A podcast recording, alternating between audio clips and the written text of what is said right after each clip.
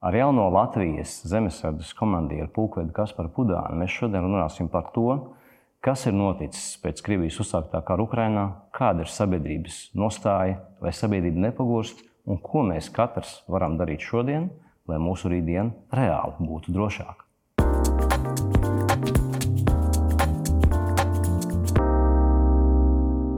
Pudānkungs, paldies par jūsu atsaucību un par tikšanos arī šajā formātā. Pirms trīs mēnešiem stājoties Latvijas lielākās bruņoto spēku vienības zemesardzes komandieru amatā, jūs teicāt, mums jābūt spējīgiem ātri reaģēt uz to, kā var pretinieks darboties, un jābūt spējīgiem ilgstošam karam. Un ne tikai vieniem pašiem mums, bet kopā ar visu sabiedrību, kur ir sagatavota un spējīga mūsu aizmugurē atbalstīt. Karam ilgstot cilvēki un biznesa pielāgojas, pamanām arī saprotam mūsu situācijas pieņemšanu nu, un tādu tā sadzīvošanu ar to. Vai sabiedrība nepagurs, vai tās gatavība un atbalsts zemesardzē nemazinās? Tie mani vārdi pirms trīs mēnešiem tiešām bija balstījās uz eh, varbūt kārtējo atziņu, kas eh, bijis arī iepriekš teikta, kad mēs katrs gan kā karavīri, gan kā politiķi iespējams gatavojamies vienam karam, bet karojam pavisam citu.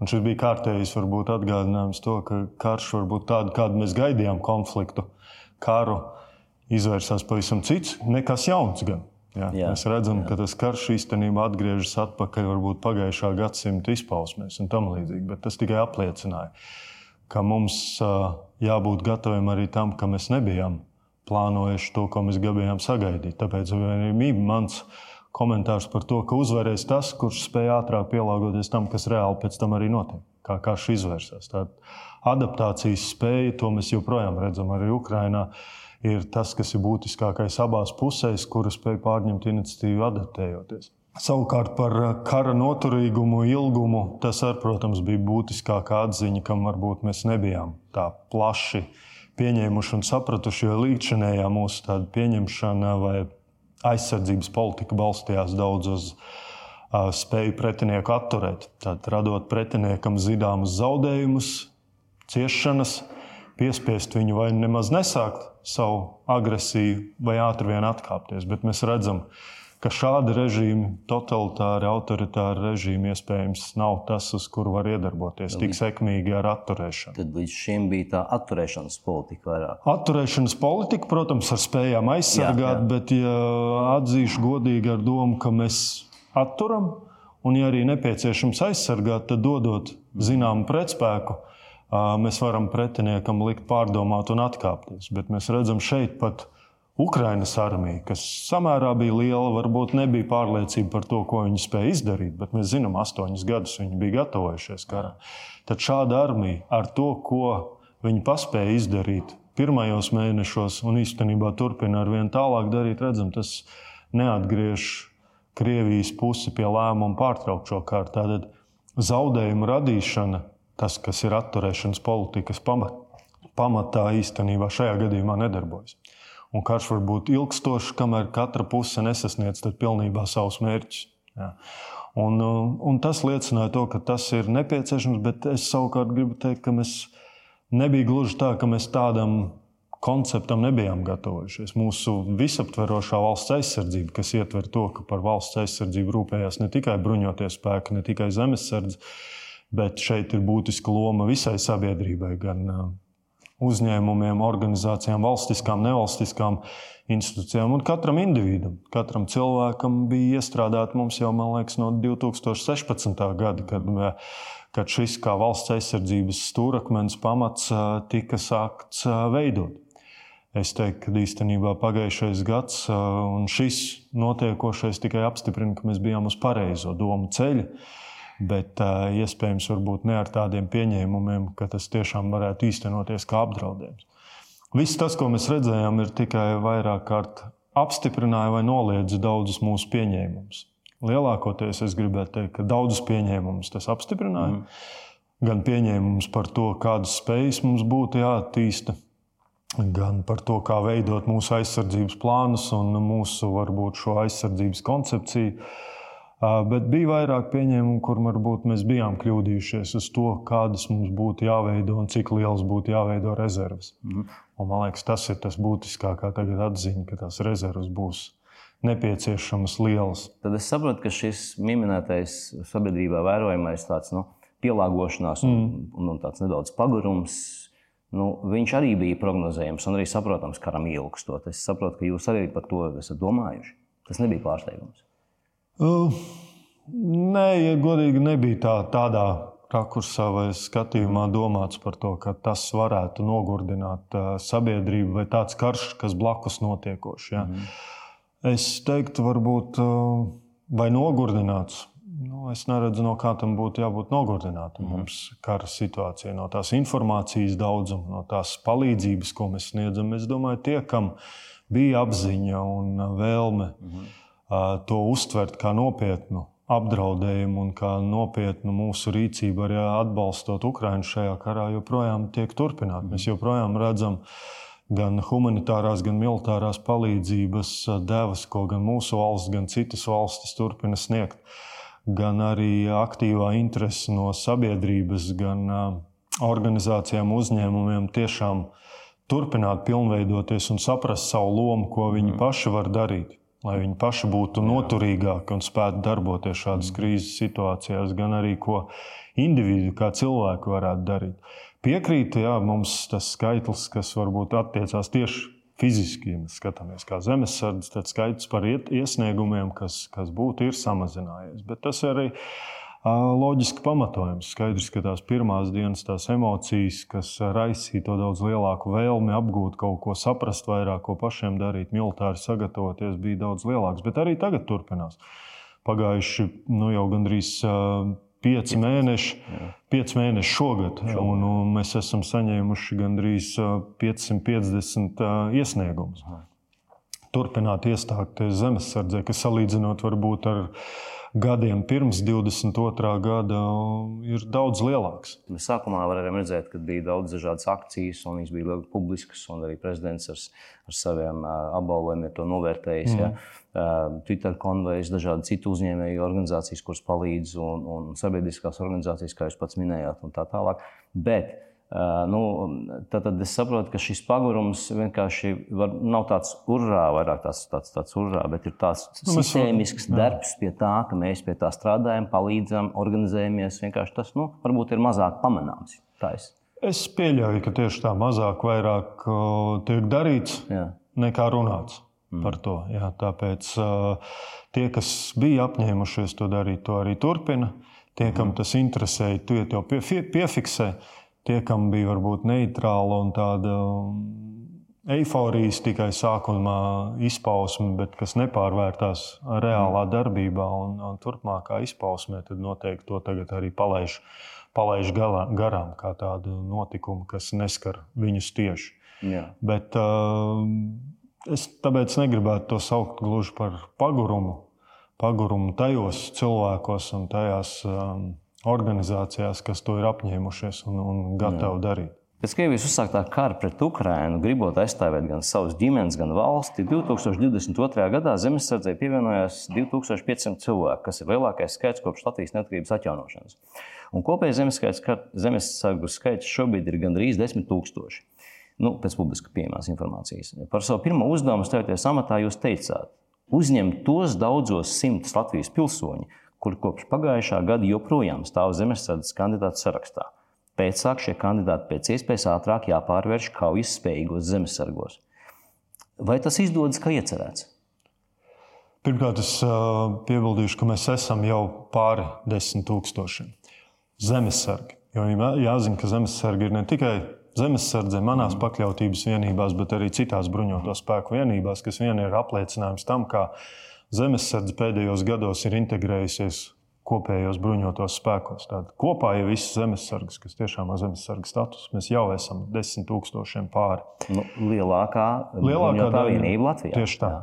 Mans bija viena no prioritātēm šos cilvēkus, kas pēdējā gada laikā un tagad turpina mm. pieteikties, tiešām uh, nepazaudēt. Jo jāatzīst, ka, protams, varbūt... šīs procesas turpinās, katru dienu piesakās cilvēki. Turpinās to, ko es teicu. Jā, šogad, Aha. šogad vien tie 500. 50, mēnešos. piecos mēnešos ir pieteikušies un joprojām ir kā kandidāti un turpinam uzņemt. Un tas mans uzstādījums, man prioritāte tiešām bija, ka, ja nepieciešams pārskatīt, motivēt mūsu instruktorus, virsniekus, kas ar to nodarbojas, ka tā ir tā prioritāte, nepazaudēt šos kandidātus, mm. kuri ir mhm. pieteikušies, runāt ar viņiem, izskaidrot to, ka mēs, protams, nevaram pārvērst viņu jau izsniegt visu vajadzīgo ekipējumu un iedot militārās iemaņas nākamā dienā pēc tam, kad viņš ir pieteicies. Mm. Jāatzīst, ka bija iespējams tādas arī ekspektācijas sākotnēji. Pirmajos mēnešos pagājušā gadā, re, kur es pieteicos, kāpēc man jau otrā dienā nav, nav piezvanījuši. Jā, un gandrīz es neesmu jau gatavs jau valsti aizsargāt. Tas ir zināms process, kuram ir jāiziet cauri. Mums katrs kandidāts tomēr ir jāpārliecinās par viņa atbilstību, ka gan fiziski kur tās prasības nav tās augstākās, bet tomēr ir medicīniski derīgs, vismaz derīgs atbilstoši dienestam, bet arī lojāls. Tātad arī pārbaudīt nedaudz to, to vēsturi un, un, un vismaz tik daudz, cik mēs paši redzam, bet iesaistot arī citas iestādes, vai tiešām tas cilvēks ir apzināti lojāls un ar pareiziem mērķiem, kāpēc Komandam. viņš iestājās. No tiem jūs nosauktiem 500 pār cilvēkiem, ja? nu, kāda ir tā praksa, cik, cik reāli nonāk līdz formai un reālai apmācībai un, un, un patiesam zemesardzes statusam? Es tad Zemes neņemšu tos 500 pēdējos, jo Jā. viņi ir tiešām okay. iestājušies. Daļa no viņiem, protams, jau ir uzņemti un uzsākuši varbūt apmācību, bet es esmu paskatījies statistiku pagājušā gada, ja, kur mēs uzņēmām. Tad aptuveni 2,5 tūkstoši. Pieteikumu mums bija īstenībā gandrīz nepilni 5000, ja nemaldos. Aha. Jā. Bet tas nenozīmē, ka mēs uzņemam tikai pusi. Jo daudzi no tiem pieteikumiem joprojām ir vēl kandidātu statusā. To, ko es teicu, Viņi pacietība, gaido, jā, pacietība jā, jā. no šo kandidātu puses, bet arī mūsu uzdevums šo pacietību nepārbaudīt, bet tiešām norādīt to, ka jūs joprojām esat mūsu kandidāti un jūs esat potenciālie zemesargi. Bet citu statistiku skatoties, nu, ir aptuveni tā, ka var atbirt 10%. Es tā pieņemu, tā rupi skatoties pagājušā gadā, 10%, kas tomēr atbir uz kaut kādiem medicīniskiem pārbaudījumiem. Lielākā, bet līdzīgi arī varbūt mazākā arī, skaitā arī šie drošības pārbaudījumi. Okay. Un tad vēl kaut kāds skaits aptuveni varētu atbirt uh, no tiem, kuri tiešām pārdomā tajā procesā, kamēr nonāk līdz iestāšanās, tomēr viņi apsver to soli, ko tas prasīs, un mm. tomēr izlemj neturpināt tālāko rekrutēšanas procesu. Bet nu, tie arī varētu būt uz, nu, neteikšu skaļus, man precīzi statistika nebija, bet es paredzu, ka no tiem pieciem tūkstošiem gandrīz pieteikumu, ko mēs pagājušajā gadā saņēmuši, mēs 4000 beigās, tātad arī pagājušajā gadā un šogad vēl, tad mēs varēsim arī uzņemt. Nu, tas kopā, ņemot vērā šo specifiku un aizsardzības koncepciju, tas šķietami nav daudz. Nav daudz. Apdirums Atceramies, ja 90. sākumā veselība ir kļuvusi labāka. Vai veselība ir labāka cilvēkiem vai nu, sliktāka? Tagad sāk kļūt labāk, jo jaunāki cilvēki piesakās. Nu, nē, es neteiktu, ka tikai jaunāki cilvēki. Ja mēs paskatāmies to statistiku, tad vidējais vecums ir 37. Ja? Es teiktu, pat vecāki, jaunieši 30 un plus gados ah, ir tie, kas piesakās vairums, un arī šobrīd zemesardzes galvenais kodols vai lielākais daudzums cilvēku pēc statistikas ir tieši virs 30 gadiem arī es ievēroju to, ka arī pēc pieteikumiem ja, tas varētu būt tas vecuma grupas slānis, kuri bija vairāk tieši pieteikušies. Nav man, protams, detalizēts pētījums, ja, statistika vai aptauja, kāpēc tas tā notiek. Mans pats paša viedoklis vai pieņēmums ir tas, ka tie tomēr ir cilvēki, kuriem ir ģimene, darbs, tie, kuri novērtē to, ka viņiem ir ko aizstāvēt mm -hmm. savā valstī. Mm -hmm. Jā, tie nav tikko pēc skolas varbūt jaunieši, kuriem vēl nav īsti pārliecības, ko dalīt, darīt tālāk. Tālākā izglītība, mācības, varbūt doties tomēr kaut kur citur, piedzīvojumus meklēt vai kaut ko, un ko, ko īsti nozīmē aizsargāt valsti.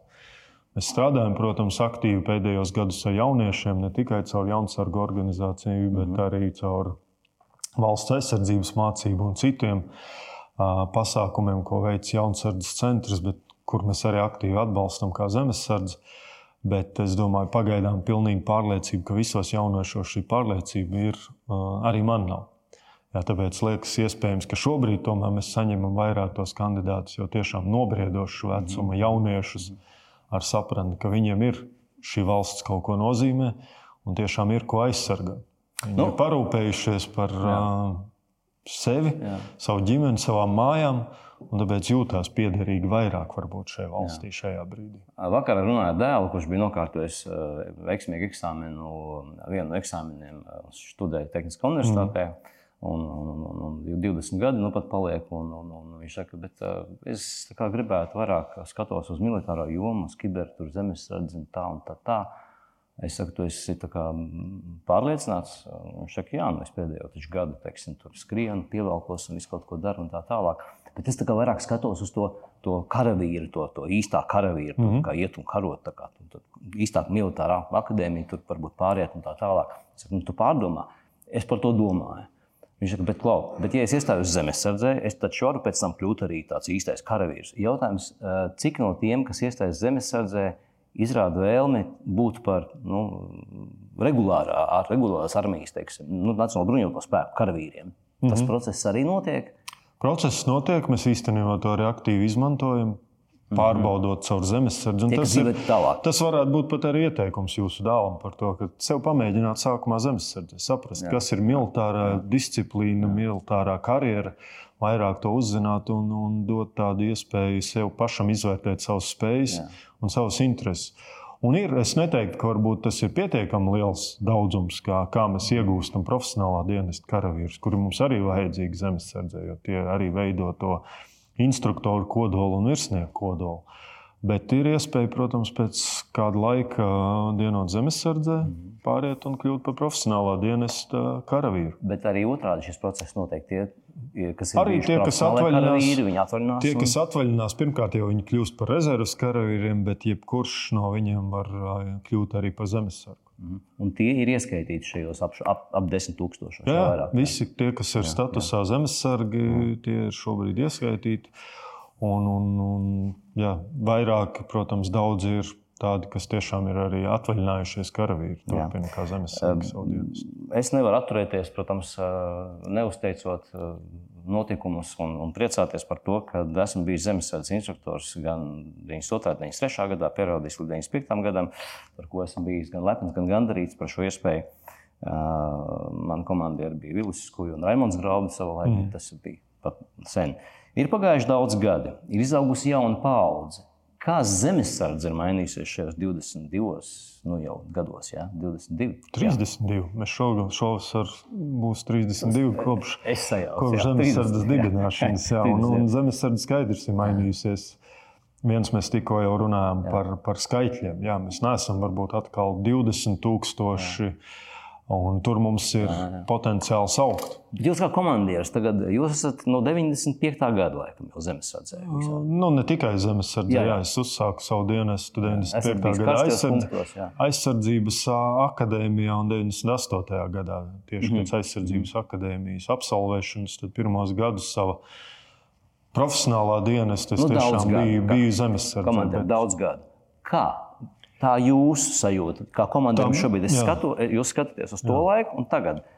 Un es saku, šis jā. ir mainījies. Es teiktu, ka mēs esam vairāk likuši uzsvaru uz to, ka mēs zemesardzē izmantojam mūsu iedzīvotāju, mūsu pilsoņu zemesargu ne tikai motivāciju mhm. valsti aizsargāt, bet mēs vairāk skatāmies uz viņu potenciālu kā individu kā cilvēku, kas nāk no dažādiem sabiedrības slāņiem, no dažādiem, ar dažādiem hobijiem, nodarbošanās veidiem, izmantot viņu potenciālu. Tad katrs var atrast savu vietu Tātad visā šajā lielā atrast, sistēmā. Jūs jau pieminējāt kiberaizsardzības vienību, kas, jā, jā. kas ir zemesardzē. Jā. Tad mums arī citas specifiskās vienības, ko mēs veidojam. Tātad šie nav tikai, var teikt, kainieki kurus mēs veidojam kaut kādiem civilās aizsardzības vai aizmugures operāciju veikšanām. Mm. Zemesardze ir kļuvusi, lai arī skaitliski mazāka, bet es teiktu, muskuļos spēcīgāka. Mm -hmm. Jūs paskatāties uz to bruņojumu, kas ir nācis pēdējos gados. Protams, tas ir audzējis vairāk gan kinētisko, tādu muskuļu spēku, bet, kā jau teicu, mēs skatāmies arī citos potenciālos. Nu, man ļoti patīk jūsu piebilde par šo ilgspēju, zemesardzes ilgspēju, ilgspējas attīstīšanu. Jā. Es apskatījos um, burtiski vakar, un, un, un es sāku tur izrakstīt. Un, mm, nu, man pietrūka laika, jo zemesardzē ir kiberaizsardzības vienība. Mm -hmm mācību centrs, studentu bataljons, zemesardzes zinātnes, pētniecības un inovāciju ieviešanas centrs atsevišķi, medicīnas rota, speciālo psiholoģisku operāciju atbalsta vārds un pat zemesardzes orķestris. Plašs spektrs, kā jau tas pienāks Latvijas lielākajai bruņotai spēku vienībai. Kas ir tie, kurus jūs šobrīd, kā, izmantojot šo situāciju, gribētu vēl aicināt?